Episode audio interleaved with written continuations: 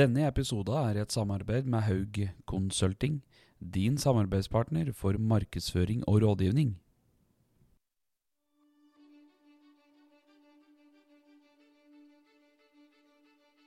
Gå veien sammen med dem. Og være en omsorgsperson, være en støttespiller, være en uh, voksenperson, være en kompis, være en bror, en søster. Altså Vi skal ikke gjøre jobben for dem, vi skal gjøre jobben sammen med dem. De skal ha delaktighet i eget liv, da. Og det er jo absolutt kjempeviktig idet du driver og blir voksen. For uh, idet du blir 18, så er du jo på en måte voksen. Men uh, vi skulle an- alle kanskje ønske, når vi ble 18, å ha en litt sånn kompis og støttesetter som har vært der før, da. Ikke være redd å stille ungene dine det spørsmålet. Eller gå og mistenke over lengre tid og bygge opp masse aggresjon eller uh, uvitenhet om hva som foregår om kvelden. Bare ta det med en gang. Du hører nå på TeamUp podkast. Mitt navn er Espen Haug, og i et samarbeid med Teamet Pelse AS har vi nå laga denne podkasten nettopp for deg. God fornøyelse. Velkommen, velkommen. Vi Er vi er, på nå. Uff, nå er Nei. ferdig. Jo, fikk med seg alt få alt sammen. Noe så trivelig Mm. med nisseluer og pepperkaker og gud Mm. bedre. Veldig koselig. Det er for dem som ser på YouTube, da. Så sitter vi her nå stivpynte med nisselur og full pakke. Fem stykker som har på seg nisselue, og en som ikke gadd, uten å Ja. nevne navn. Eller hva, Espen? Jeg vet ikke åssen det gikk, men nisselua di jeg hadde ikke nisselue, dessverre. Det er greit. Mm. Men vi har fått podkasten opp på topplista på Spotify igjen, så Ja, det, det får være bra. Ja. Da slipper du å høre det på en stund. Plass nummer 62 er vi på nå. Mm. Nå kryper vi oppover. Gjør det nå. Det er grønn pil fortsatt, er det ikke? Ja. Det blir spennende å se i dag, da. Artig. Nå tenkte vi vi skulle ta for oss litt året som har gått. Ja. Dette er jo siste innspillinga i 2022. Mm. Så håpentligvis så begynner vi på til 2023 òg. Vet ikke hvem som skal begynne jeg. For de som ser på YouTube, så ser vi i hvert fall at vi har et nytt eh, ansikt med nisselue her i dag. Mm. Mhm. Og så i den forbindelse så kan vi vel kanskje starte med å si at en, uh, Pål skal uh, gå ned litt i stilling. Ned litt i vekt, ja. Han skal, de han skal deffe seg gjennom jula. Nei, men du skal trappe litt ned. Ja, det stemmer. Og så er vi så heldige at Tonje begynner eh, 100% fra 1. januar. Så du kommer da inn i teamet og tar over egentlig stolen hans Pål i Ja. podkasten. Ja. Så det blir spennende. Hva slags eventyr skal du ut på, Pål? Ikke så mangt. Jeg skal opp igjen på, opp på sykehuset, jeg. Ja. Jeg begynner opp igjen på 113, der jeg har ventet på jobb i all tid. Mm. Så jeg forlater eh, ikke Team Up helt, men jeg blir borte store deler av, eh, av tida mi. Mm. Men jeg vil fortsatt ha en finger med i spillet, hvis jeg kan si det. Du skal være med, så ungdommene har litt. Ja, Ja. det skal du. Ja. For jeg klarer ikke å gi slipp på det som har skjedd på et år. Nei. For det er eh, ganske merkeverdig, det jeg har vært med på. Og Du var jo den første han- heltidsansatte vi hadde òg. Ja. Litt tidlig på året i år. Mm. Vi begynte jo året med egentlig litt mindre ungdom enn det vi har nå, i hvert fall. Mm. Gikk vel inn i året med Det tre. er Tonje må jo si litt hvem jeg er, da. Mm. Vi må starte der, da. Vi begynner der. Hun sitter jo bare og ser sånn Vipper Ja. med øyelokka og Har ikke sovet i natt eller kommer rett fra nattevakt. Og... Nei, jeg har egentlig nok Hva det du kalte det? Rosintryne? Var det du sa? Ja. Så grådig rynkete etter nattevakter. Ja. Ja, nei. Eh, Tonje 38 år. Mm. Jobba i kommunen og utfordrende atferd tidligere. Mm. Ble jeg kontakta av Mats, da. For dere trengte noen flere hender. Mm. Så da har jeg vært med dere ja, siden november. ja, du har vært med egentlig en del Ja. fram til nå. Mhm. I tillegg til din fulle jobb ved siden av. ja. Greia er jo at egentlig at vi var veldig heldige, for du var egentlig tilbudt en uh, annen jobb du fra 1. januar. ja. Ja. Jeg skulle over i noe annet, jeg. ja. Så jeg hadde fått en eh, en rolle som boligleder i en Mhm. annen bedrift. Mhm. Så kjente jeg at det her traff litt hardere. Mhm. Og så etter å ha vært med en stund, så var det egentlig ikke noe tvil. Det er vi glad for. Ja. Mm. Nei. Maken til folk som jobber med hjertet, det finner du ikke andre plasser, tror jeg. Så det Nå fikk jeg litt, litt frysninger. Ja, litt. Jeg kjente det. Mm. Jeg er veldig takknemlig for deg da, og veldig ydmyk for at du på en måte valgte bort noe annet og, og kom til oss isteden. Ja. Mm. Og jeg er like takknemlig for at jeg har fått muligheten. Det synes jeg vi er, vi er glad for deg, å få Tonje og en del av teamet fullt. Mm. Det gleder vi oss til. Mm. Det er om Det den, er den æra som blir over med Pål òg, Mm. der. Ja. Jo da. Vi pleier å si det. Livet skjer. Livet skjer. Mm.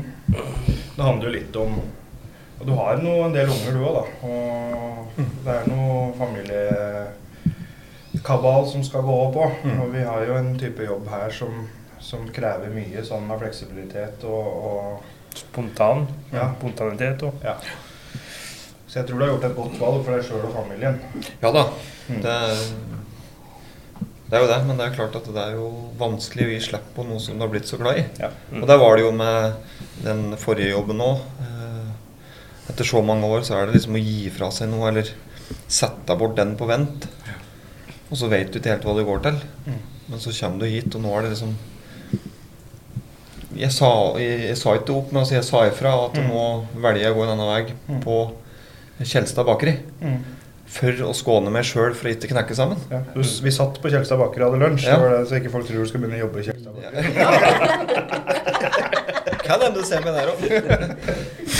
Nei, så jeg valgte jo å ta det der. eh, Ikke mest egne plassen. Og det kom jo brått på dekk andre. eh, Men jeg følte at da må jeg bare få lette på trøkket. Og da, Mm.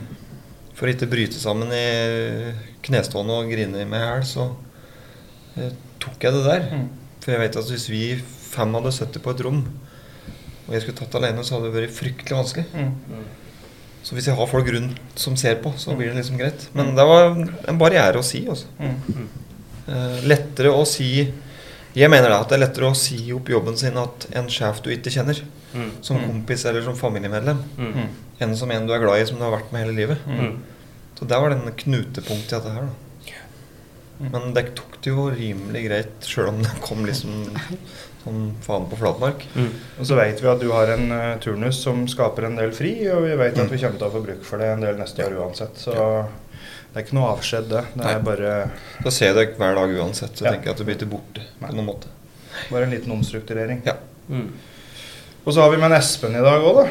Nå har du tredd inn foran glasset. Ja, jeg har gjort det. litt. Ja. Ja. Du er jo Du starta jo alt dette her med podkasten. Ja, dere starta dette her, Ja. men uh, kom med en lite, liten tanke om at det kunne vært en fin eh, plattform for dere å fått ut det er bra dere Mm. gjør, da. Mm. Og det som skiller dere ut fra mange andre. Mm. Det er, dere er jo unike i det dere driver med. Mm. Og, så det, det var sånn umiddelbart etter podkast, det tror jeg hadde vært en fin plattform å Mm. ja, fått litt ut og delt med. Ja, For det satt jo litt langt inne til oss. Vi, hadde, vi, er liksom, vi tenkte aldri i de banene liksom podkast. Det var ikke mine tanker, Nei, i hvert Ja, hva var det du sa for noe? Ja, sånn med mikrofoner og greier? Var det, var det sånn, sånn du sa jeg? Ja. Jeg begynner å bli såpass gammel at jeg vet knapt nok hva en podkast er. Mm. Så ja. Ikke skap deg. Mm. Så gammel er du ikke. Så gammel er du ikke. Nei. Det er sånn 78 år gammel, Ja, har. Nokia Det føles litt 3310, sånn. liksom. Men det var jo litt sånn å Ja. Måtte jo, jeg tenkte jo at eh, siden jeg hadde såpass trua på det, så måtte jeg pushe i riktig retning. Og Mm.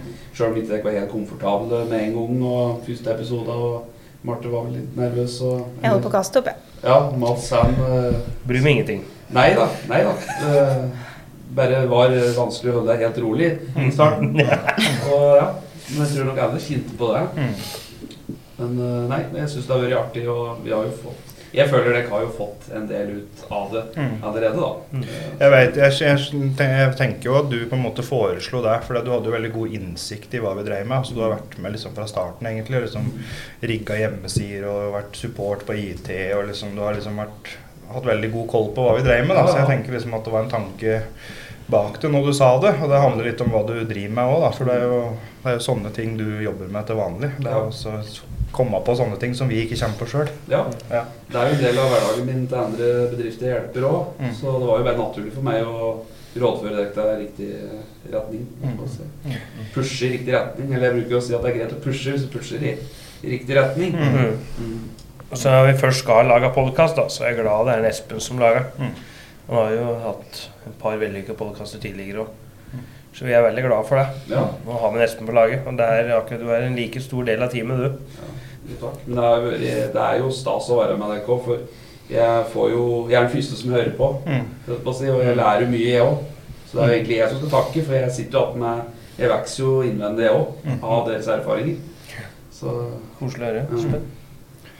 Det er egentlig vanskelig å vite hva man skal starte, for det året her har det jogget skjedd mye. Ja, det skal oppsummere der på et vis. Altså, Ja. Da er du bare nødt til å begynne fra starten. Da. og Bare prate litt løst og fast gjennom året. Det er jo som jeg har sagt før, da, at vi starta jo Beskjedent. Beskjedent, ja. I 2020. Så der var det egentlig bare å Der oppretta vi egentlig bare. Mm. Og så var det 2021 da, som var litt sånn beskjedent, og i tillegg til annen jobb og ja, som et sånn samfunnsengasjement egentlig starta det som, vil jeg si. Og vi hadde ikke i løpet av 2021, hvor mange ungdommer hadde vi i 2021? To-tre Tre. tre stykker. Ja, ganske beskjedent.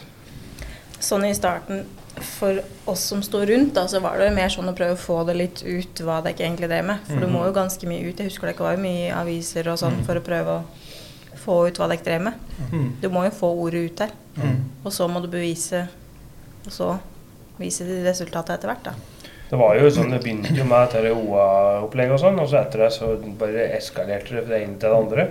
Men det var helt vanvittig mye trøkk i media i byen her og sånn med dårlig ungdomskultur, dårlig ungdomsmiljø, mye rusing og kriminalitet og de tinga der. Så det var Korona egentlig var eh, på Og korona var i gang, og så det var mange som sleit. da. Og når vi gikk ut, så var det vel egentlig litt sånn motkraft til det som drev og skjedde nede i byen der. da, At vi prøvde å motvirke, eller liksom komme, komme med et eller annet som skulle motvirke det. da.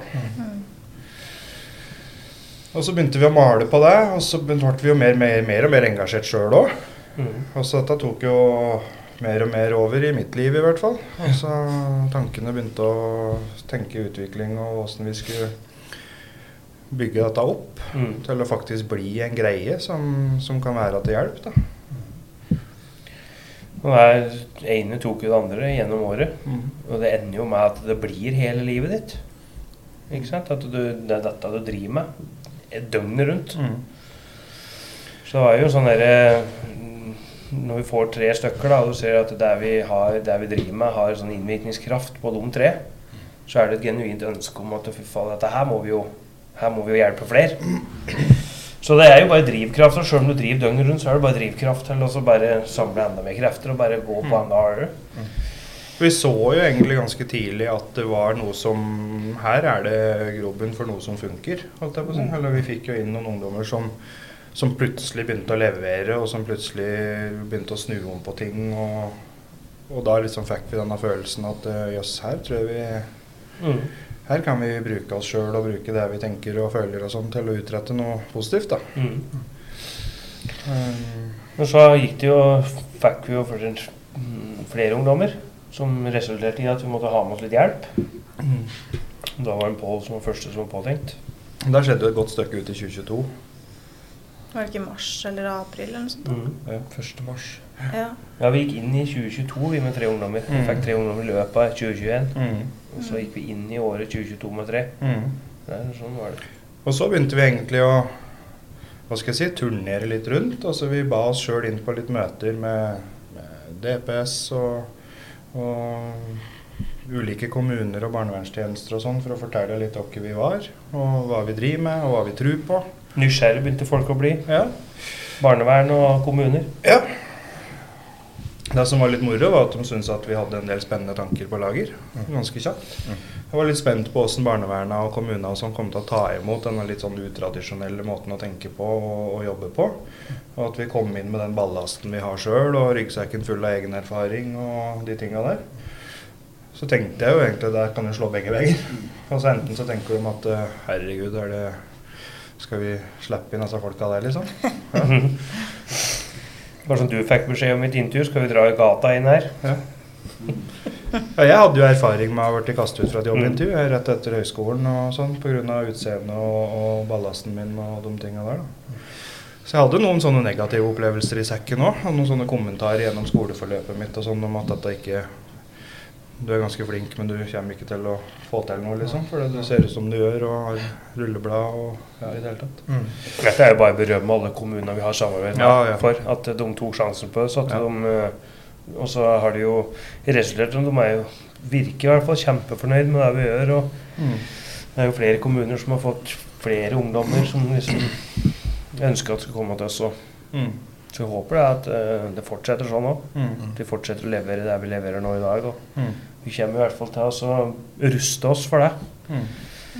Og det er jo sånn, vi gikk jo Vi, vi jobber jo ganske bredt. altså vi, vi gikk jo ut med liksom Vi, altså vi, hadde, vi har hatt polikliniske samtaler, vi har hatt uh, oppfølging i eget hjem og til familier og Fosterfamilier. Fosterfam vi har liksom jobba veldig mye, men det som har utpekt seg gjennom året, er at vi har fått et enormt trøkk på barnevernstjenesta vår. Mm.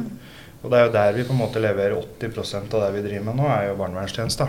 Mm. Og, og det tenker jeg sier noe om behovet, da. Mm. Og hva som skjer i kommunene og sånn. Eh, Det tyter jo fram med ungdoms, barn og unge som sliter. Og, Men det er kanskje ikke så mange som har det tilbudet som dere har, da. Nei. For det er jo gjerne institusjon eller Kommunalt. psykologtimer, Mm. diverse. Mm. Ikke oppfølging Mm. basert på timer i løpet av dagen, og den type oppfølging er jo unik. Det er tilgjengelighet da, Ja. som noen får.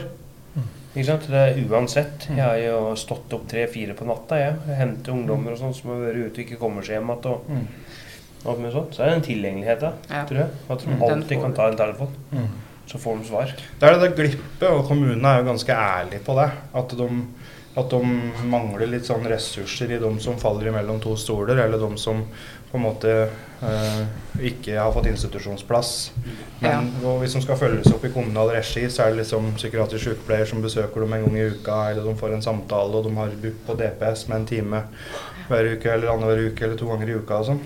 Men det er på en måte ei glippe der, da. Ja. Eh, der det skjer fryktelig mye.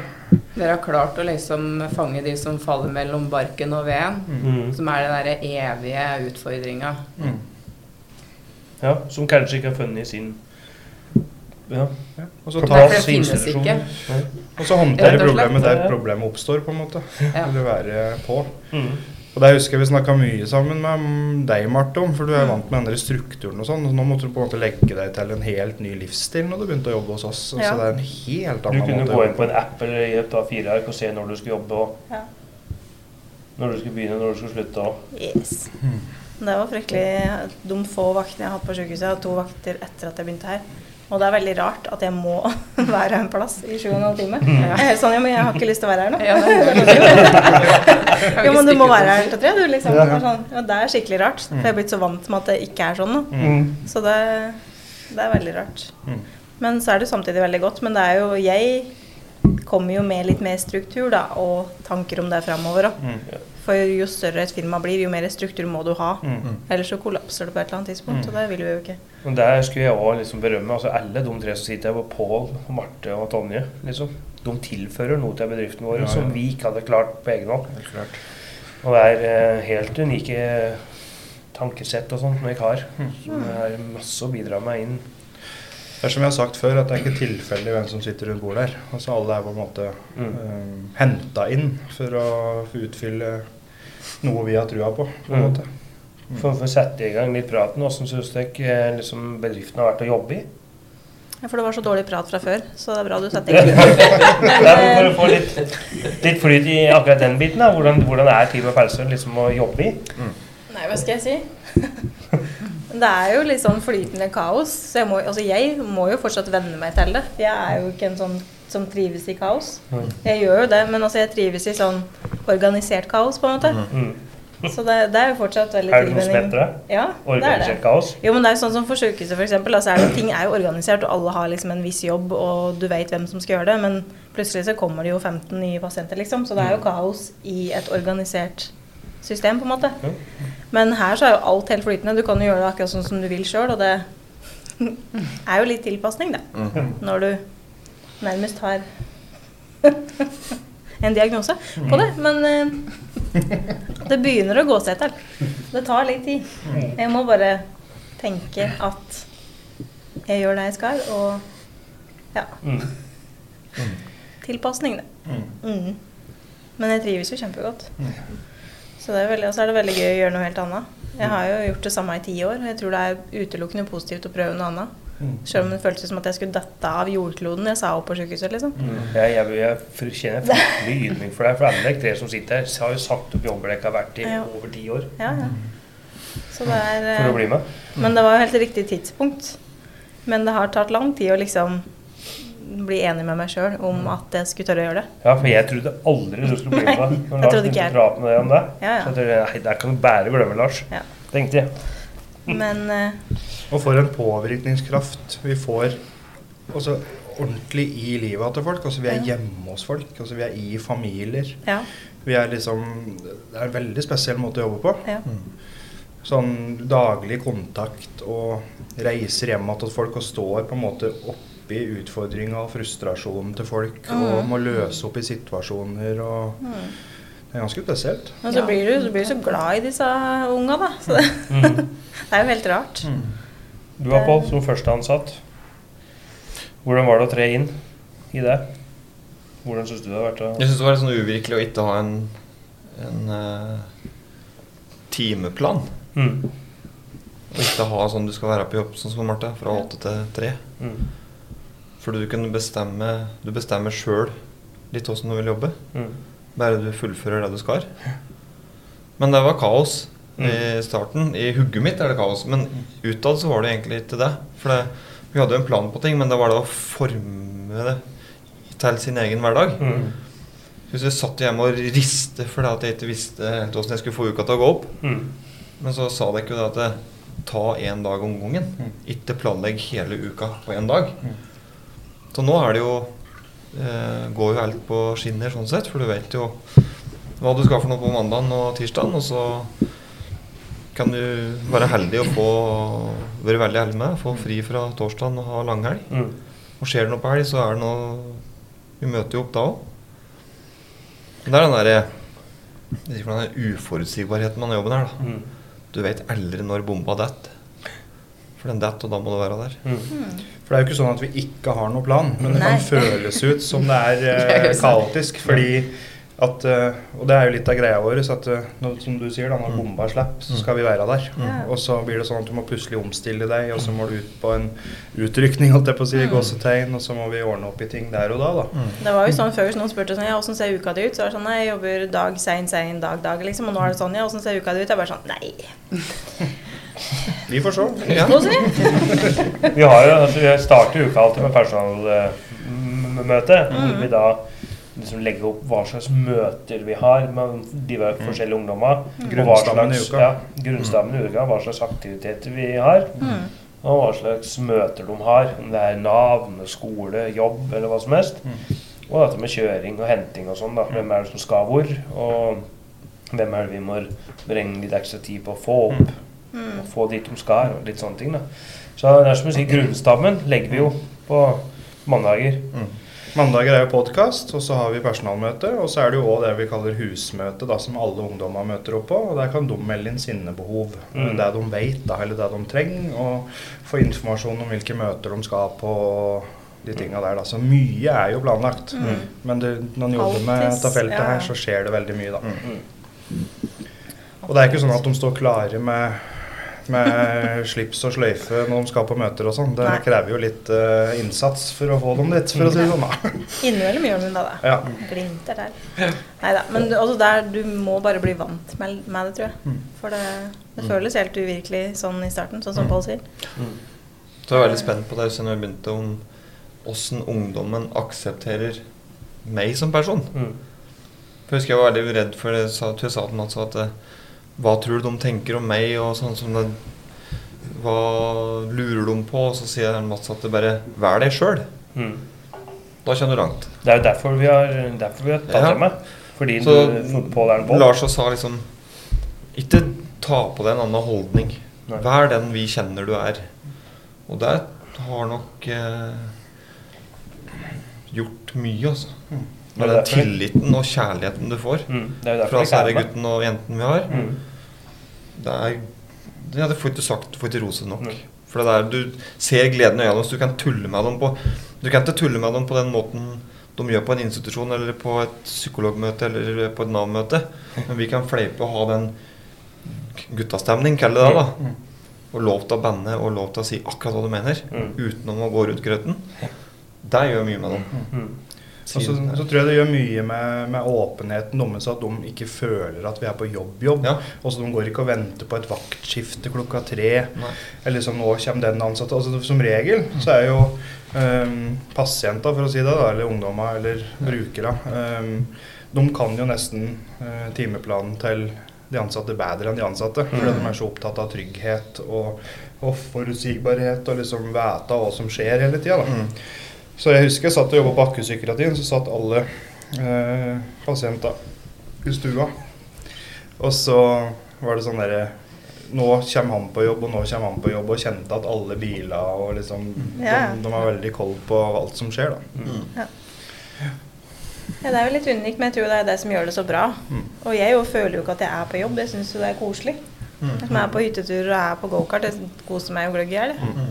Og det er jo litt sånn fint for dem å ikke ha det så forutsigbart, fordi livet er jo ikke det. Og da lærer de seg at ting skjer. Jeg tar meg i det hvis vi er ute på aktivitet og noen ringer opp meg. Så er det sånn, er det du driver med? Så har ikke jeg lyst til å si at jeg er på jobb når jeg har liksom fire ungdommer rundt meg. Mm. Jeg sier ikke det så de hører det. Jeg sier at jeg er ute på gokart med ungdomma. Mm. Eller noe. Jeg sier aldri at jeg er på jobb. For der føler jeg at det er sånn der, jeg vil ikke at ungdommene skal tenke det. Jeg vil ikke at de skal tenke at jeg er der fordi jeg er på jobb. Enig. For det er, jeg stiller opp for dem så mye i hele døgnet at det, er ikke bare en jobb. Mm. Det er, ikke sant? det er, ja, det er livsstilen min, og jeg har det med hjertet på utsida. Mm. Ikke sant? Og det er sånn, Når Nå har jeg begynt å treffe ungdom og gir dem en god kos og Mm. liksom spør om det er bra med dem. Og, Mm. så det er noe helt annet. Så jeg vil ikke si det. Mm. At jeg er på jobb. Ja. Telefonen ringer og sitter i bilen og skal på hyttetur eller noe. For Jeg kjenner meg igjen i det. Ja. Hvis telefonen ringer, så er det sånn Nei, jeg er ute med dem og noen Mm. ungdommer og Nei, vi er på gokart. Ja. Men det merker man som ny òg. For Mm. min del, da, som bare kommer rett inn i det her og tapper innom, så er det liksom så jordnært alt. Du bare, akkurat som du vandrer inn i et hjem Mm. med familien, slektninger, eller det er sånn Ja. Samtidig som det er profesjonelt, da, så er det sånn Ja, det er bare en helt naturlig gjeng som omgås. Mm. Og det er ikke noe sånn eh, avstand fra ansatt til ungdom-greie. Det er sånn ja, guttastemning. Mm. Og så er det sånn, Vi har jo et fantastisk sammensveisa arbeidsmiljø. Mm. vi ansatte oss imellom.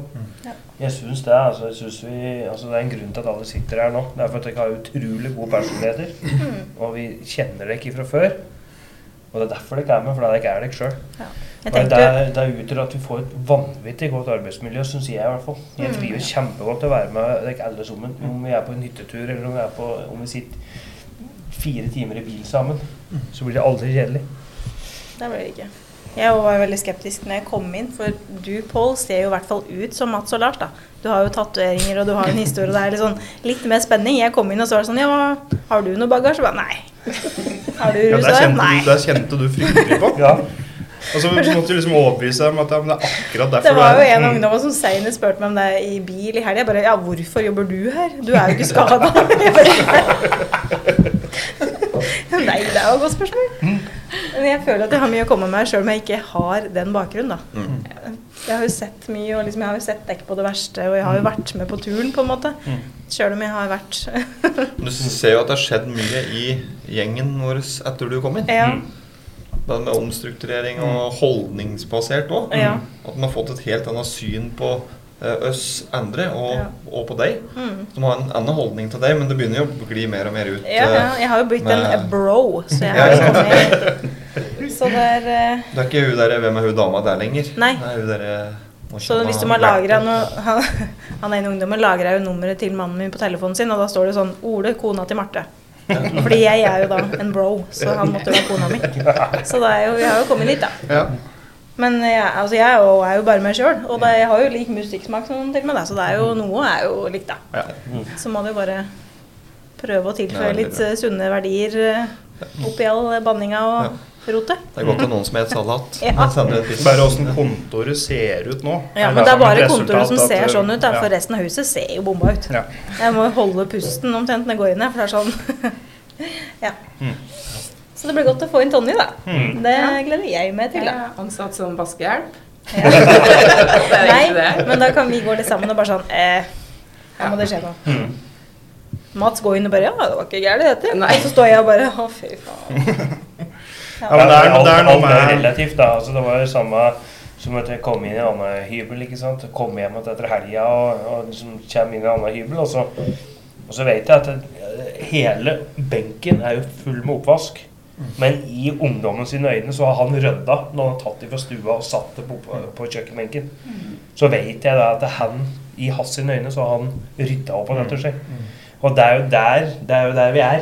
Ikke sant? At når jeg kommer hjem da, så må jeg si det at du, jeg er kjempefornøyd med at du tatt det inn Ja. og satt det på kjøkkenet. For han må få skryt for det, og så må vi jobbe videre med Ja. at eh, vi må ha et hakk videre. Og så går det liksom Kan gjøre det noen helger, da.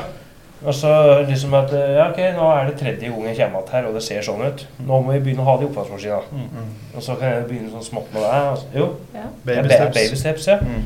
Men uh, uansett, da, så er det Når vi kommer opp i huset, og der, så er det noen ganger det ser bedre ut enn andre ganger. Mm. Sjøl om det ikke er bra. Ja, ja. I, I våre øyne så er det ikke bra. Men Altså- i dumme øyne så har de rydda. Det som jeg liker nå, da, det er at de må sier når vi kommer inn bare sånn Ja, jeg veit at det ser sånn Ja. ut. Og da er det sånn Ja, men da veit du det. Da er det greit. Da vet du òg at Ja. du må gjøre noe med det. Du veit at dette ikke skal se sånn ut. Det er bra. Da har vi kommet et skritt videre. Så jeg er på det nivået vi er. ja. Men Tonje er jo den som har kommet inn nå som har minst, fått minst innføring i dette her. For du er litt med, har vært med nå sånn der når du har turnusfri. Er det noe jeg kan gjøre? Og så, Ja. så har du kjørt og henta og vært med på møter og sånn. Mm. Og så går du tilbake til jobben din, og så er du der noen Ja, jeg har dager, ikke noe sammenheng i eh, Nei. det jeg driver med. Nei. Jeg bare tapper innom. Mm. Men Det jeg kjørte jo en ungdom her om dagen, og det syns jeg var veldig koselig. Og så han at eh, Ja, jeg hørte at du eh, begynner for fullt i januar. Jeg bare Ja! Ja, det blir bra. Da ser jeg også klapper han. Så jeg bare Ja, jeg gleder meg. Så satt og smilte og klappa og var så happy. Og hatt noen timer med meg, da. Så bare å bli tatt imot på den måten er jo helt Jeg får sånn frysninger hver som gang sitter prater om sånne ting, for det er- det er så fint. da. Ja. Og dette her er ungdommer som på en måte sliter med relasjoner. altså De sliter med å stole på folk, de sliter med Ja. å ha tillit til folk. Så det er jo et kjempekompliment som, Ja, ja, som det du i den situasjonen skal ta med deg. da. Oh yes. Men jeg tror det blir litt- med hvordan vi andre introduserer noe nytt òg. For at vi legger ikke fram det som at det er skummelt eller farlig. Vi setter oss ikke ned med dem og sier nå må du høre her, liksom. Nå kommer det en Skjer ny en. Nå må du være obs. Mm. Det er bare sånn at vi er sånn rett frampå. At helst på hun. Hun er ny. Kommer til å jobbe her i januar. Og da blir alle sånn Hei, liksom, og skal helse og, og bli I stedet for at du skal sette deg ned for å forberede deg på det. At det blir litt sånn Mm. Ja. Mm. Nå er det ikke farlig. Nei. Nå kommer det en ny. Og så må vi ærlig si òg at dette året her har gått altså, Det har vært en øh, ganske vanvittig vekst. Altså, vi har hengt litt i slipset for å, for å på en måte henge med i svinga. og Det har kommet kommune på kommune på kommune, og vi har fått ungdom på ungdom på ungdom. og vi har liksom, Det har krevd mye av oss, alle som Alle, sitter for- bordet her. for vi, å vi har jo ansatt folk etter hvert som har kommet ungdom. Ja. Så det har jo vært i perioder så har det vært mye på oss. da. Mm. Vi har holdt oss liksom akkurat som vi kan levere gode ting da, til kommunene. For å på en måte opprettholde de tjenester vi vil, og levere det vi vil, og oppnå det vi vil, så har det på en måte krevd mye av oss.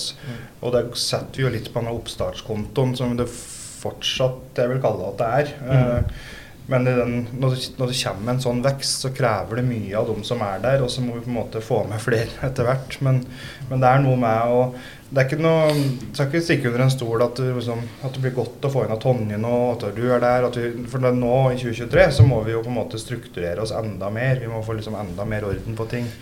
Og det er liksom et av hovedmåla for 2023, da. Vi må jo ruste oss og være klar for å ta imot ganske mange nye ungdommer òg. At, vi- at vi må være forberedt på at det kan komme. Så er det litt med det både mentalt og både litt med, litt med bosituasjoner og alt vi har, drar med oss i det. Så handler det om å ruste oss litt, at vi må være litt føre var. Og vi skal ikke bli for store, og vi skal ikke vanne ut tjenestene våre. Så vi skal ikke la noen ting gå på bekostning av noe, og det er ekstremt viktig for oss. Ja. Så det skal føles på en måte lite og intimt uansett hvor mange som kommer. Så skal alle føle at liksom her kommer jeg hjem igjen, eller her skal vi liksom få til noe sammen. da. Mm. den grensa kjenner en kanskje etter hvert som en kommer. At nå For det er en kjerne som er viktig å holde på her, tror jeg. Som eh, er grunn for at det er så god stemning da, og funker så greit som det gjør. Vi hadde besøk av en stiftelse i forrige uke som kom og ville se litt åssen vi hadde det og sånn, som driver veldig mye lavterskeltilbud og sånn i byen her, da. eh, Som gjør en fantastisk jobb med det. Og de kom hjem til oss, og så fikk de litt omvisning. Var jo dreima ute i verkstedet vårt og inne i huset vårt. Og ungdommer satt og gama, noen satt og spiste.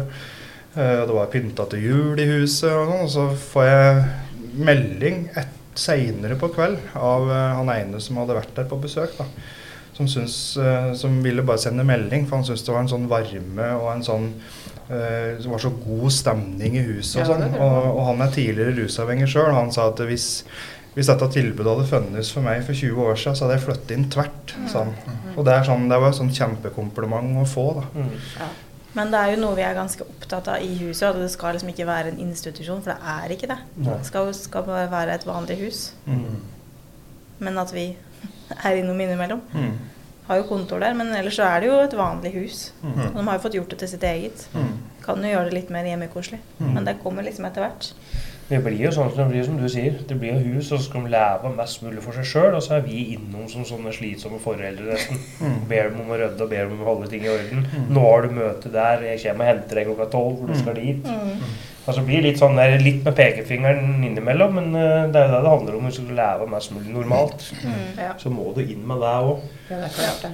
Du kan ikke bare være kompis. Nei. Det, Og så har vi lagt opp til altså det huset som vi har investert i, det er liksom basen til Team Pelse. Da, og der har vi på en måte um, der er mange ungdommer som ikke er i botiltak òg, får lov til å liksom være der mye. og Spesielt i forhold til jobb og skole og sånn. Hvis de bor et stykke unna og sånn, så har vi på en måte hjelpa dem med mer tilgjengelig eller lettere for dem å komme på jobb. og, lett, og for, hvis, de ikke, eller hvis de trenger hjelp til å komme seg opp om morgenen og komme seg på jobb, og sånn, så har de fått vært i huset og sånn, så at vi kan være tilgjengelige for det. Og, så det har jo blitt en sånn, et hus der som det er mye liv og røre. altså Det er mange ungdommer som kommer og går, og det er mye, det er mye folk der hele tida.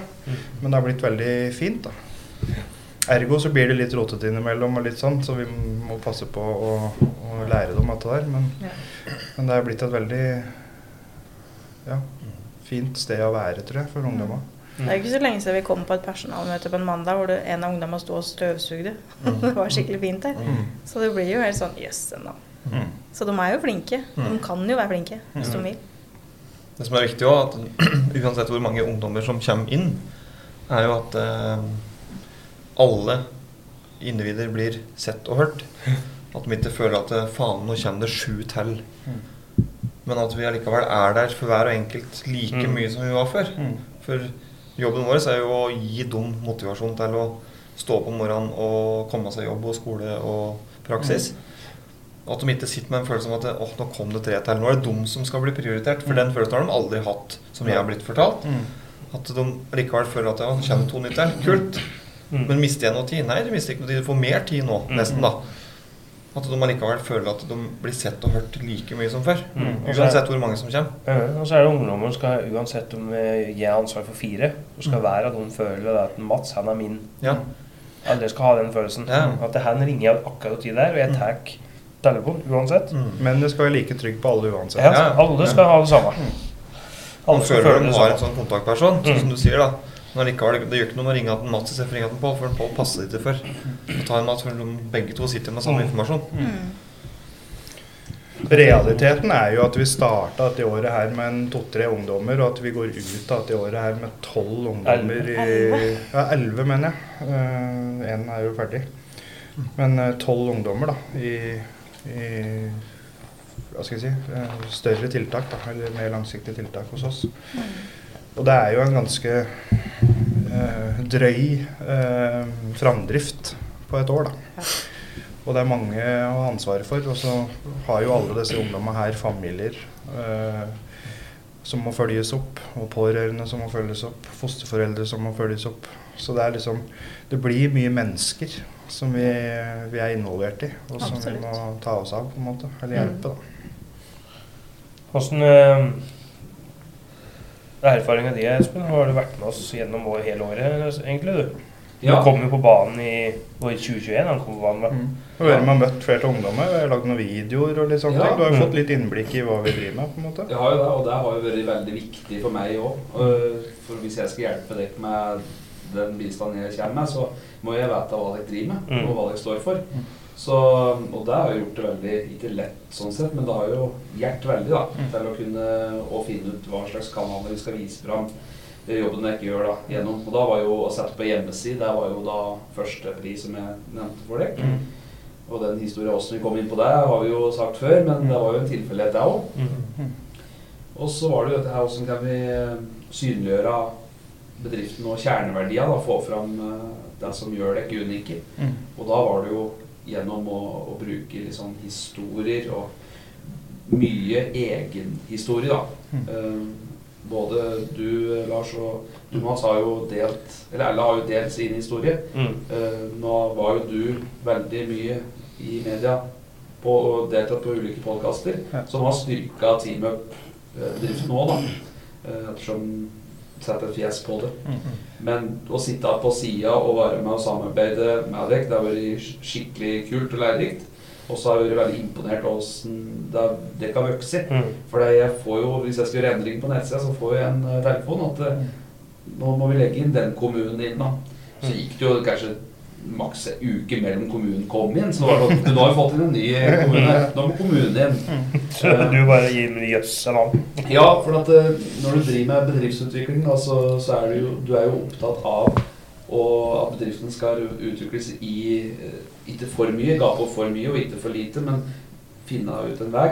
Og det har Jeg tror noen grunn til at jeg ikke har fått til så bra som jeg har gjort, er fordi jeg har vært opptatt av å gi, altså gjøre deres beste for ungdommer. Mm. Så har egentlig det ting kommet litt naturlig inn. da, Mm. At flere ønsker det tilbudet. For det Og så har vi aldri vært opptatt av det rundt, for det har vi på en måte fått med deg på laget til, og vi har liksom eh, vi, vi har knytta oss til folk rundt som kan ta seg av alt dette eh, greiene rundt. Mm. Eh, For å avlaste litt sånn Ja, så- arbeidsoppgave for oss selv, da. og så kan vi bruke på en måte energi og fokuset vårt på ungdommer hele tida. Og det har vært jævlig viktig for oss å gjøre det. Så at ikke vi at ikke sånne praktiske arbeidsoppgaver og øh, hjemmesider og alt mulig sånn stjeler fokus fra det vi faktisk driver med. Da. Ja, og der ser jeg i dag mye at uh, de fleste bedrifter ønsker å ha noen som gjør det for dem. For da kan de fokusere på kun på det de skal gjøre. Mm. Og da vil du jo få enda mer ut uh, av uh, utviklinga di òg, for da er du fokusert på det. Mm. Så tror jeg òg at um, det har ikke vært for mye heller.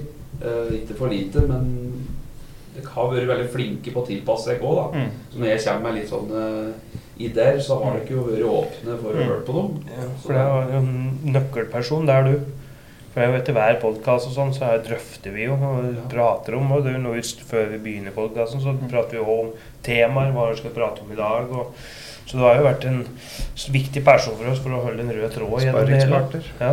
Ja, jeg har jo sett på dette samarbeidet som en uh, unik mulighet til å kunne få fram, eller få hjert og folk som sliter. da. Så jeg har jo eh, jeg har ikke tenkt så mye på at eh, dette med kroner og øre og sånn, det er bare å glemme. For det, det er ikke det som er det viktigste. Det er liksom dette med å få hjert, noen som trenger hjelp. da. Mm. Så det har jo vært litt sånn hjertesak for meg det her med podkasten å være med og booste deg. Så Ja, for du har vært veldig på hele tida. Altså, du har mye ideer, og, og liksom, du har ringt meg mye. Og, Ja. så, og jeg opplevde en sånn engasjement for det vi driver med, og at du liksom ønsker å hjelpe til. Ja, på en du måte, hører gjerne med- en innsikt at du er hjertelig og dere skal få dette til. Mm. For det er så unikt. Det er jo ingen som Altså, jeg har ikke sett eller opplevd noen andre da, som gjør den gode jobben på den måten dere gjør. Eh, og alt apparatet rundt. Så litt meninga med det er at folk litt ute skal få liksom hverdagsråd. Mm. Vi Liksom, liksom, spesielt hvis de har noen i familien som sliter, og så litt usikre på hvordan de skal ta det, hvordan de skal oppføre seg, hvor de skal være. Så er det ikke noen fasit vi kommer med, men litt sånn hverdagsråd. Og så høre litt sterke historier fra folk som har vært gjennom en del, men som kommer ut uh, i den andre enden. At utfallet er bra. da. Og det er litt der vi jobber med, at vi vil, vi vil også at utfallet skal være bra. og Da er det viktig med de historiene. Og det er sånn, For det er det denne podkasten er. Også dette er jo non-profit for vår del. Også dette er et samfunnsengasjement. Dette er en kanal for å liksom gi folk litt råd og veiledning for de som ikke har uh, kommet seg inn i hjelpeapparatet. Eller som trenger en dytt for å komme seg inn i hjelpeapparatet. Eller som sitter med vanskelige ting som, som de kanskje lurer på, spørsmål de lurer på. Så det er liksom et uh, ønske fra oss å kunne bidra inn i det. da, Mm. uten, at, uh, uten at dette er noe økonomisk gevinst for oss akkurat. Det er jo en utgift bare, sånn sett. Men uh, får jo tilbakemeldinger uh, om podkasten. Og det er mange som er så glad for at denne podkasten eksisterer. Mm. Som sitter og lytter hver eneste uke. Som, som òg kanskje ikke søker så mye hjelp sjøl, men som får hjelp gjennom podkasten Mm. og historien. Mm. Så jeg tror nok det hjelper flere enn dere tror. mm. Og så tror jeg at eh, vi må ikke være redde for å bare by enda mer på oss sjøl. For eh, hvis du klarer å hjelpe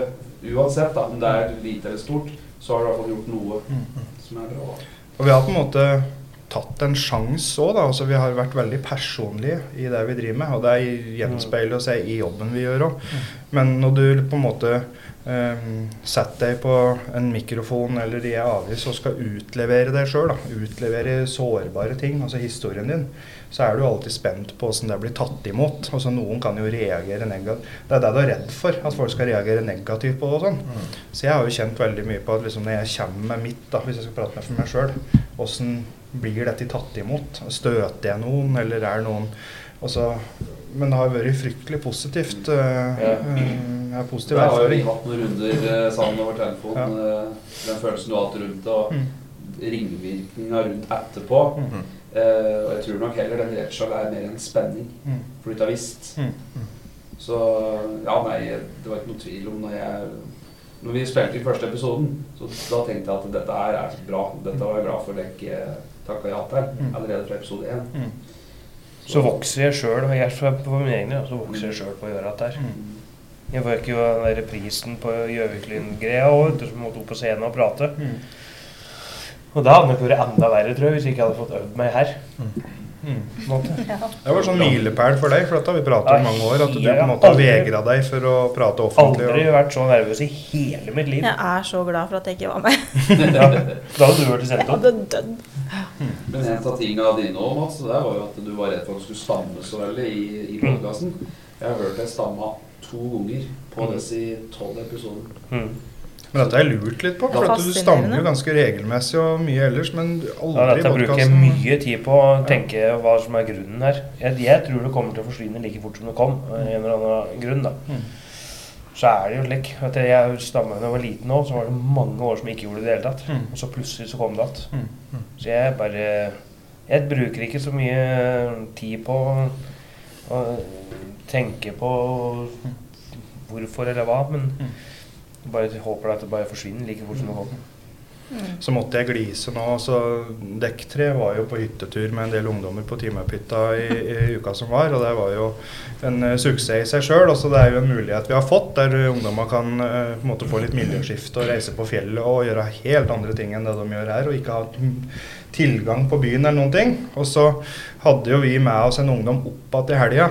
Og så når, vi, når han skulle hentes igjen oppå på Gorsfjellet, da, så skal Marte komme oss i møte for å hente han. Og så, og så sier jeg Marte litt sånn på tull fordi at det er en ungdom som tåler at vi tuller litt. Og så sier jeg Marte liksom at ja, nå føles det som jeg skal opp på Gorsfjellet og hente ungen min på delt omsorg. så kommer vi, kommer Delt, om, delt omsorgsbarn. ja, så kommer vi dit med en ungdom, og så kommer Marte opp på Gorsfjellet og tar over. Og så tar han videre gjennom helga. og Det var liksom fryktelig ja, koselig, da. Ja. Mm. Jo, men det er jo det. Mm. Rett og slett. Jeg følte, det var liksom, jeg følte at jeg skulle hente barnet mitt, og dekk kom liksom eh, Dekk to kom, da. Med, Med barnet ditt? Ja, bedre enn det kom. ja, det var det koselig, ja. ja. Tonje, hva forventer du eh, når du trer inn på nyåret? Ja, det har jeg lyst til å spørre litt om. Sånne Ja. forventninger. Forventninger? altså Forventer du å vokse litt sjøl? Forventer du, er det noe du har du låst deg fast i et mønster noe som du håper du skal komme litt ut av? Eller? Nei, jeg har vel egentlig ikke noe, noe mønster, jeg som har jobba turnus. Kveld, dag, natt. Hver tredje helg. Mm. Jeg er vant med å jobbe til alle døgnets tider sånn sett. Mm. Men eh, forventning jeg bare har veldig trua på at det kommer til å bli bra.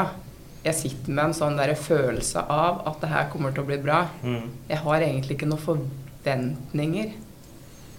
Bare sa sånn i- veldig trua på at det kommer til å bli bra. hva som du sa i bil opp med? Det går inn med hud og hår. Mm. Går Det det gjør jeg. inn, liksom? Og det har vi sett, da. Mm. Ja. Mm. Jeg blir veldig engasjert hvis jeg får et ansvar, eller at jeg brenner for noe. Mm. Så kan jeg nok fort slite meg eh, ut litt. Mm. For det er Også- utfordringa i denne jobben her, da. Ja. At du må klare å ivareta seg sjøl oppi det. Ja, Mm. så Det det må man jo bare finne en struktur på. Men uh, jeg tror det her blir Jeg tror du eier det litt mer enn når du f.eks. jobber i en større bedrift. Så blir det en større del av deg. Så jeg tror ikke du Du blir ikke sliten på samme måte, tror jeg.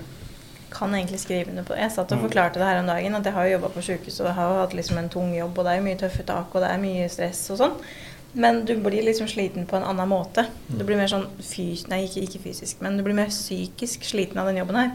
For du bekymrer deg jo på en måte på vegne av både ungdommer og støtteapparatet deres rundt, da, foreldre og fosterforeldre, og du sitter jo hele tida og kverner med et eller annet i huet. For du bekymrer deg liksom på vegne av de igjen. Mm. Og du tar, det blir jo på en måte personlig, for du vil jo hjelpe dem, og så veit du ikke alltid hvordan, og så veit du at det er liksom bekymringer ute, og Ja. Så du, du blir sliten på en annen måte, men det er jo verdt det, da. Mm. For du, du gjør jo en forskjell. Du prøver i hvert fall. Mm. Og på noen så gjør du en stor forskjell.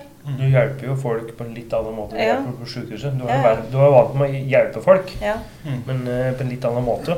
Ja. Og mye tettere på. Det er jo det som er forskjellen, da. Mm. Mm. Du får ratt følelser fordi du jobber med. Mm. Mm. Det er nesten ikke til å unngå at det blir personlig. Nei. Og du Og deler jo det problemer, du deler jo alt sammen med ungdommer og de rundt ungdommer. Mm. Så det blir jo veldig sånn Så gleden kommer så fort da, Ja. i den jobben her at det, eh, jobber på sykehuset så tar det lang tid før behandlingsprosessen er så lang på en Mm. pasient. da. Her så kan du komme på jobb på mandag, og så har ungdommen en dårlig dag.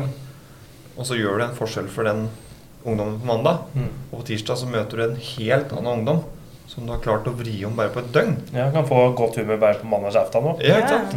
Så det skjer så fort. Og det er Så liksom kan du være i kjelleren om onsdagen. Da, ja. Jo, jo, men da har du vært innom tirsdagen. Ja, Da ja. Da har du hatt en dritbra dag på tirsdagen der han er oppe og nikker, og du får masse meldinger om at 'takk for at du har gjort ditt og datt og datt'. Og så kommer onsdagen, så begynner du på nytt igjen. Mm. Men da vet du at det er faktisk går an å snu om Mm. fortere enn på en måneds tid. da. Ja. mm. Det som er litt kult også, at Når ungdommer svarer oss på meldinger, så skriver de sånn der OK5 og sånn. Altså Ja. de eh, som kaller oss for familie og sånn. Og det er sånn der, Da får du litt frysninger. At når de Mm. eh, på en måte eh, ser på det litt sånn, da, eller at de kaller oss for sånne ting. Så, For å få respekt av seg gutta og jentene, det er vanskelig. Mm. Det er ikke alle som får det, men vi har jo tydeligvis klart det. Og så blir det liksom med inn i livet ditt ellers. Jeg vet Mats forklarte det forrige uke, at han sto og snakka med en på samme alder. Og så skulle du svare han på 35 år. Og hva er det du sa da, Mats? Vi chattes, sa jeg. Og det- Og det sier ikke vi på 35 år. Så det har vært en skala på det. Så tenkte jeg på om når jeg satt med bil. Dette, dette sa jeg ikke. Dette kan jeg umulig ha sagt. Det må jo passe seg vet du, når vi skal gå inn i møter og sånn. Så plutselig er det sånn derre Ait fam, vi kjæres, liksom. Jeg kan ikke si det i skolemøter og sånn. du. Det blir jo helt sånn, du blir så inn i det. Jeg sa da til han, og da, da, da er jeg sikker på at han gikk i bilen og tenkte hva slags midtlivskrise er det her? Noen kjøper seg rød sportsbil, og noen endrer vokabulæret sitt. Jeg svarte mannen min her om dagen, så skrev jeg 'eit'. I stedet for OK. Jeg blir, du blir jo Hva skal jeg si deg på SFO i dag? Vi, luk vi luktes. Ja. Det? Men du blir dratt inn i det fra motsatt òg. De blir mye dratt inn i vår greie, men vi òg blir jo dratt inn i Det er ikke lenge før det går med seggebukse det- seggebuksa igjen, altså. Det er eh, rett rundt hjørnet nå. Mm. Espen kommer på mandag med capsen bak fram og seggebukse. og- Jeg er på god vei dit. Ja. Mm. Det, det høres litt sånn fryktunngytende ut, Ja, det er jo liksom- det. Jeg synes Ja. jeg er Ja. redd der sjøl, jeg. Og sønnen min liksom gliser til ham og liksom bare sånn 'pappa'. Ja. Når jeg liksom sier et eller annet greier, så bare syns han det er helt Ja. superkleint. Ikke sant? Jeg er- ja. ja. blir Men, For å bli påvirka, da. Det er hele Det er moro. moro. ja da. Det er moro. Det er godt å glise av meg sjøl da. Vi setter meg i bilen. Jeg går ikke an, vet du. Men eh, en ting til òg, da. Liksom, det er, én ting til, det er mange ting til. Men, men eh, litt av de ressursene som vi har opparbeida oss i år, da, har vi jo gitt mye tilbake igjen. Altså, vi har hatt en veldig sånn ideell tankegang på det, syns jeg. Altså, sånn, Um, brukt mye tilbake til ungdommen. Altså, vi har investert liksom, bofasiliteter og hybler til ungdommer. Eh, aktiviteter. Eh, vi kjører jo mye eh, på tvers av kommuner og er hjemme hos familier. Og jeg føler jo at vi på en måte har, har funnet en struktur der, eh, der ungdommer får att ta det vi har muligheten til, på en måte. At vi gir det vi kan tilbake igjen. Absolutt. Eh, I form av turer og liksom, fallskjermturer til Voss og mye sånne opplevelser de får, da, som, som kanskje det kommunale og sånn ikke har muligheten til. De har lyst til det, men de har ikke muligheten til det. Uh, og det har vi på en måte lagt mye i. da, At vi skal bruke ting tilbake til ungdommen. da. Hytteturer og Team Up-hytta og liksom sånne ting som gir ungdommen hele tida muligheter til endring og, og til å få et avbrekk og til å få den hjelpa de trenger. Og, og riktig type behandling og sånn. da. Og I den forbindelsen da, så har vi skaffa oss masse gode samarbeid Mm. dette året som har vært. Mm. De trenger å løftes fram. De trenger absolutt å løftes fram. Mm. Eh, mange engasjement fra næringslivet som har hatt en stor eh, påvirkningskraft på ungdommer. Mm. Eh, på gjort situasjonen vår så få dem ut i jobb og sånn mye enklere. Satt arbeidsplassen sin til rådighet og Mm. vært personlig engasjert utover det å bare ha noen i praksis, har vi opplevd veldig mye av. da. Mm. Begynte jo veldig positivt med Jonny Michaelsen i Siljo. Han eh, stilte jo maskiner og alt til rådighet eh, for en til ungdommene våre som, som eh, ønsker å ta um, hjullastersertifikat sånn. Han har jo vært med og lagt til rette for at vi har en som har fått tatt maskinførerbevis. Ja. Som resulterte i at når han fikk eh, hjullasterbeviset sitt, da, så ble det lagt ut en Facebook-innlegg om eh, at han ønska seg jobb. Og Da tok det ikke lang tid før Karl Ivar Schjøll fra Schjøll Entreprenør ringte og ville ha han i jobb. Så han tok han rett inn, satte han på lønningslista si. og Så både Jonny og han eh, sjøl egentlig har eh, gitt han ungdommen jobb. Mm. Eh, så han har jobba to stand egentlig, etter Ja. at han fikk maskinførerbevis. Gaustra landhandleri har hatt to ungdommer fra oss inne. En Mm. på, i forbindelse med skole og en inne der nå. Fra, fra, som har praksis på skole. Mm. Og de har sagt, sagt ja med en gang Mm. og tok det rett inn. Mm. Elite bil har vi vært inne på. Mm. Lite bil har jo to stykker i praksis nå, og vi skal De vet ikke ennå, men de får vite det nå, da, at vi skal prate med dem om en til. Ja. Så da, hvis de lytter på han i podkasten her, så vet de hva som skjer om noen dager. Da kommer, en Mats på kaffe. Ja, da kommer jeg til å Ja. Ja. Altså, ikke minst det er broren vår også, sånn, i GHT Bygg. Ja.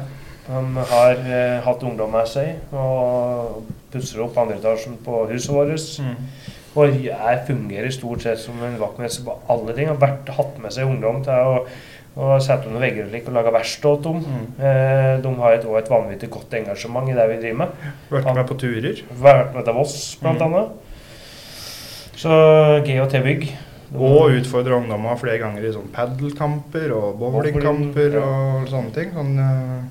mm. Eh, så har vi en Ole, da. Samme mannen til Marte. Ola som- Ja, mm. som eh, og. Sulland, Sulland liksom. Eh, han Ola har bidratt veldig mye både på privaten og gjennom bilkjøp og hele den biten der. Vært og hente ungdommer, stilt Mm. varebiler, eh, taxi holdt jeg på å si, til disposisjon på turer. Vært med på turer og selv. vært med på tur sjøl. Og viser jo et sånn voldsomt engasjement. Altså Det er ikke gitt at han er jo mannen din, men det er jo din jobb, på en måte. Men han har jo vist et voldsomt engasjement, og det setter vi jo kjempepris på. Altså han, og han mener det òg når han driver med ting. Så, ja. Absolutt. Så er det, ja. Men jeg er med på halvtrening òg, Ole. Mm. Ja. For da får han le av seg litt. Ja. Ja. Og da er han mer engasjert enn ungdommen. Så Ja. da, mm. ja. Og så vil jeg løfte fram sånn som Gjøvik videregående skole, Fryal skole i Søndre Land har vært med og lagt til rette skoleløp og gjort at vi kan bidra inn i skolen. På Søndre Land har vi fått muligheten til å være med en ungdom inn gjennom skoledager. Eh, Gjøvik videregående har, jo, har vi jo gått mange runder med for å tilrettelegge for de som virkelig sliter på skolen. Og de har jo strekt seg langt for at vi skal få til det. Mm. Uh, Absolutt. og ikke minst barnevernstjenesta i de ulike kommunene. Ja. De har jo vært helt fantastiske og tatt sjansen på oss. Og, og vi har hatt kjempegod dialog med barnevernstjenesta, og de har vist en villighet til å benytte oss. Og, og vi har hatt eh, god dialog om hva vi driver med, og de har lagt til rette for at vi kan få lov til å utføre den jobben vi har gjort. For uten dem så hadde det ikke vært mulig noe tatt her. Så de vil jeg absolutt eh, løfte fram. Og- berømme både BUP-tjenesten og DPS-tjenesten og sånn, Mm. som alle har eh, som Ungdommer går i samtaler og møter oss, som, Mm. eh, og er med og gjør en forskjell. Som er med og styrker vårt tilbud, Ja. eller vi er med og styrker dum, dummes tilbud, eller det spørs hvordan han ser det. jeg si. Men samarbeidet er i hvert fall godt. Da. Mm. Og, og jeg tror jo på det at uh, hvis vi, vi, kan ikke, vi må ikke stå, skape avstand mellom behandlingsapparatet eller hjelpeapparatet. Vi må, vi må samarbeide. Mm. For ofte er ikke én ting nok. Mm. Altså vi, vi må kanskje være en to-tre aktører inne samtidig for å liksom gi det best mulige tilbudet, eller mest mulig helhetlig. Da. Og det er jo òg litt av det som mangler. Ja. Den her at ungdommer må springe fra timene sine til på BUP, og så skal de prøve å få seg en praksis, og så fungerer det ikke i skole. Mm. At det, det kan mangle de som samler tråda, da. Mm. Mm. Og har det der tverrfaglige samarbeidet. Mm. Det er jo mange av ungdommene våre så, som ikke hadde kommet seg på BUP hvis det ikke hadde vært for oss. Mm. For vi drar dem jo på morgenen og kjører dem dit. Mm. Mm. Men så tror jeg vi har glemt å si Gjøviklyn. Ja, jeg skal akkurat til å kommentere det. Ja. Mm. At Gjøviklyn har jo vært enormt viktig for oss Mm. i dette året her. Mm.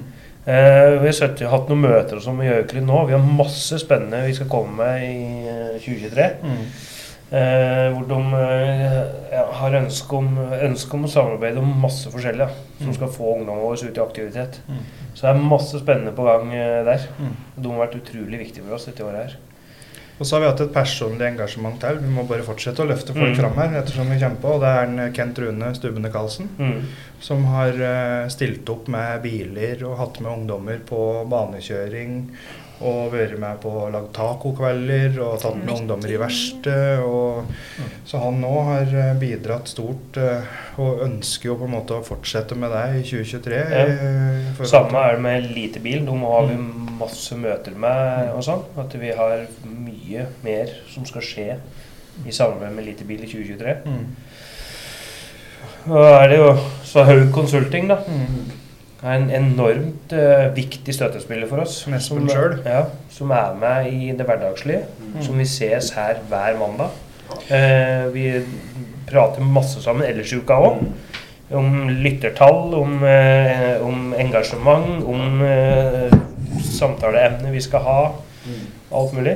Så det er utrolig viktig for oss. Og den tilgjengeligheten du har vist, Espen. altså Jeg har jo ikke greie på sånn der IT. altså Så fort det oppstår et problem eh, sånn IT-messig eller et eller annet sånn systemgreier, så sender jeg melding, og da svarer du på fem minutter og fikser opp i det og ordner opp alt som er hele tida. Har jeg prøvd, eh, prøvd å svare så fort jeg kan. Mm. Så, Så takk alle som har vært innom som gjest i podkasta, Mm. ikke minst. Mm. Mamma, Monica, Stian og Mm. Elitebilen, Bjørn Anders og Mm. alle som har vært innom og vært med. Ja, Gjøviklyn. Den største takken til de eldre fortjener ungdommene våre, som Mm. har berika livet vårt gjennom et helt år nå. Eh, Vi har møtt så mye fine personligheter og så mye fine ungdommer som, som vi har fått lov til å hjelpe, og som har vist villighet i livet sitt og, og blitt en del av vårt liv. Og det har vært eh, nydelig å møte de ungdommene vi har fått lov til å møte. Mm.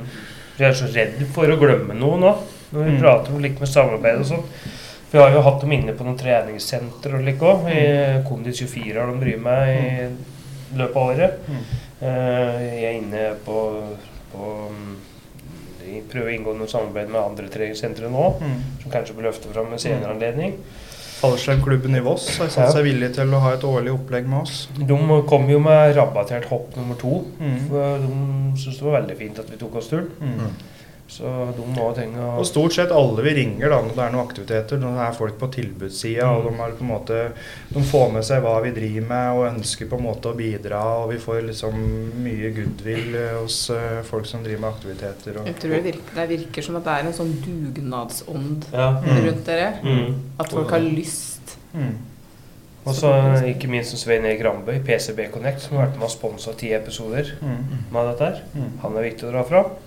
Familia vår er viktig Ja. å dra fram. Altså Lillian og Robert og Ole og Guro og alle de som må stå i den hverdagen med at vi er fleksible, og med at vi må ut på akutte ting og Mm. ja. Vi hadde ikke, hadde ikke vært mulig uten dem. Nei. Nei. Det skal være helt sikkert. Mm. Så det er som du sier, at jeg er livredd for å glemme noen når du først sitter her. Og jeg har jo ekser som må liksom bidra ekstra inn i samværet og sånn. Ja, men så jeg har jo barn med to stykker som, som liksom må strekke seg litt hvis det er noe jeg må. Ja. Så det er liksom mange, mange som er eh, involvert i hele greia. Mm. Ganske stort støtteapparat rundt teamet, Mm. hvis du begynner Ja. å tenke på det. Ja, når du Vi begynner, så skal jeg begynne å prate på sånn som at det er. Altså, også den, også den, også den. Ja. Også den. Og så er det ikke bare bedrifter òg, men er enkeltpersoner i bedrifta som har et litt ekstra engasjement, som gjør det mye enklere for oss. Mm. Eh, Så vi håper at vi skal få mange flere på laget i 2023, så dere kan bare vente, for jeg kommer på besøk. Bare sett på Jeg, jeg kommer til å komme. Vi ringte jo eh, Olympiaparken på Lillehammer for å høre om eh, sånn fellesaktivitet for juleavslutning. Mm. Og det var sånn eh, Hun første jeg pratet med, jeg skulle ikke prate ned om noe, men hun hadde en litt sånn der laber holdning. Mm. Jeg syns ikke dette var noe eh, super idé at vi skulle komme dit med 15 stykker. Mm. Men så sa hun kan få prate med en annen som har noe med det å gjøre. Ja, det er jo en fordel. Prate med hun som hadde noe med det å gjøre. Velkommen skal de være. Mm. Skulle åpne og holde åpent for oss i to timer hvis vi ønsker det. Mm. Det er sånn der, Der ser de jo sikkert hørt om oss, men folk tilbyr jo Mm. seg hvis vi spør. Bowlingen òg. Mm. Når vi kommer hit dit med alle ungdommene. Mm. Han, eh, Roger Johansen og bowlingen og Mm. Sånn som har alltid fått kjempegod service når vi har kommet dit. Og det har aldri vært noe problem. Gjøvik Padel. Gjøvik padel, ja. De har vært på tilbudssida. Mm. Så det er et, eh, som Marte sier at det er et, Når vi sitter og eh, ramser opp nå, jo, men er det mange vi har uh, vært i kontakt med og gjort ting med i år? Mm. Skal en landsby til for å Få Få ting det til å skje. ja. Ja. mm. Det er jo bare, ikke bare snakk om engasjement, men det er jo ja, som Mm. Disponert arbeidsplasser og Mm. Og så har vi det har vært et innholdsrikt og begivenhetsrikt eh, år. eh, der eh, jeg vil takke alle dekk som jobber Mm. i Team pølse, som har fått dette til å skje. Og så tenker jeg at vi har mange spennende planer for 2023. mm. Eh, Siste halvdelen av året nå har det blitt mer og mer botiltak, eller oppfølge egen hybel, og der ungdommer har på en måte flyttet inn i hybel hos oss og hatt tiltak rundt det. Og der har vi noen eh, spennende planer, tanker, som vi kan komme tilbake til. Men for å utvide det tilbudet i forhold til hybler og sånne ting, så skal vi gå i gang med litt eh, greier rundt det på nyåret og se hva vi får til. Der har vi òg dialog med noen som eh, sitter på Mm. noen hybler og, og kapasitet som eh, de ønsker å stille til disposisjon for oss. Så det blir spennende. Eh, Jeg bare si det at teamet hadde ikke vært der det er i dag hvis det ikke var for dekk som sitter rundt bordet her. Og dommer Dekk har vært utrolig viktig. Mm. Vi hadde ikke, klar, hadde ikke kommet hit. nei, nei, hadde ikke vært det. Nei. Hadde ikke hatt sjans. Det har vært en ære da å få være med. Jeg har gjort det til en annen som, som spurte av Tonje i stad. Har liksom Har du noen forutsetninger til året, eller For, for forventninger. Forventninger, ja. Forutsetninger. Ja. Jeg hadde jo ingenting i hjel, men jogge har det gjort mye med deg personlig. Mm. Sterkere mentalt, f.eks. Det har gjort veldig mye. Etter mitt syn så har vi et knallsterkt team nå som er klare for 2023. Uh, og jeg håper at det på en måte Nå fikk jeg frysninger òg. ja. Jeg jeg, bønder og masserer temperaturen meg. Jeg håper jo at kommunene og barnevernstjenesten fortsetter å se verdien i det vi gjør, Mm. og fortsetter å ønske å bruke oss. Og vi har masse å gi. Mm. Uh, Vi har så vidt begynt. Ja. Og vi gleder oss til å ta fatt på 2023 Mm. uh, sammen. Og fortsette å bare gønne på for å gjøre en forskjell for noen som trenger det. Mm. Hud og hår. Hud og hår. Mm. All in. Mhm. Er, eh, uansett da, om vi har hatt med en Espen Haug i dag, så må vi jo Espen, må vi koble inn Espen Haug her for å høre hvordan episoden har vært. Men da må først Lars si én setning, da. Ja, det må jeg komme etterpå. Oh, ok. Sorry. Ja, nei, altså jeg, Hvis jeg skal oppsummere Altså å være en del av dekk nå i dette samarbeidet her i et år, så har det vært i, Jævlig moro. Det har vært moro. Det har det. Men jeg har lært veldig mye. Så jeg føler jo litt på takknemlighet oppi dette her òg. Mm. Og jeg tror, eller jeg vet, at 2023 blir et veldig spennende år for Team Mm. Pels. Ja, jeg håper det, ja. Så jeg gleder meg til å fortsette å samarbeide med dere. Mm. Og hjelpe dere å få ut budskap og hjelpe dere til å hjelpe andre. Mm. Ja, Er det kaldt inne? For jeg får liksom frysninger hele tida. Er det bare der som frys? Ja. Sensitive, sensitive Det er ikke mikrofonene som er sensitive, kanskje. Nei. Men sånn helt avslutningsvis Bare for å lansere oppstarten på nyåret, så tar vi rett og slett med oss Espen og hele lydutstyret og kamera og full pakke opp til hytta. Og så spiller vi inn første podkastepisoden torsdag 5. januar. Rundt bålpanna. Rundt bålpanna på hytta. Det gjør det. Det høres for meg ut som det blir sånn ASMR-episode, for det blir mye knitring og smatting og kråsing i snø, og det blir spennende. Jeg skal ta med noe utstyr som eh, ja, skal Mm. gjøre det behagelig å høre Levelig. på. så er det, Hvis det er eh, næringsliv ute her som hører på podkasten vår sånn, eh, ta gjerne kontakt med meg hvis dere har lyst til å bidra i 2023. Eller private som føler Ja. at de har noe å bidra med. Da. Mm. For jeg, vil, jeg, jeg er kjempemye på utkikk etter nye eh, plasser til ungdommer som kan få prøve seg i forskjellige yrker. Så det er ingenting som er for dumt. Eh, vær så snill å ta kontakt med oss. Har du en gard, har du dyr, Mm. driver du med noen aktiviteter, har du en bedrift, Mm. eh, hva som helst. Om det er snekker, rørlegger, elektriker, om det er butikk, Rema 1000, Kiwi Mm. Spiller ingen rolle. Send oss en henvendelse. Send oss en henvendelse, så kommer jeg på besøk. Mm. Men så lenge jeg har kaffe. Mm. Ellers så må jeg si ifra, skal jeg ta Mm. Ja. Vi er iallfall knallklare for det. Um, smeller i gang ny podkastsesong eh, fra hytta i januar. Som en sånn lansering av nytt år. Og så må vi vel si at uh, vi ønsker at folk skal ta vare på hverandre i jula. Mm. Mm. Som gjenganger gjennom uh, Mm. vær åpen, vær ærlig, prat med hverandre. Mm. Ha fokus på de gode tinga i eh, jula. Mm. La de vanskelige spørsmåla være. Mm. Det har vi hørt mange ganger siste uka. Mm. Det nærmer seg jul. Ja. Så bare ikke, ikke ta de vanskelige tinga akkurat denne uka her. Mm. Vent. Da gjenstår det vel bare for oss å si riktig god jul og takk for i år, da. Takk for i år. God jul. God jul og godt nyttår.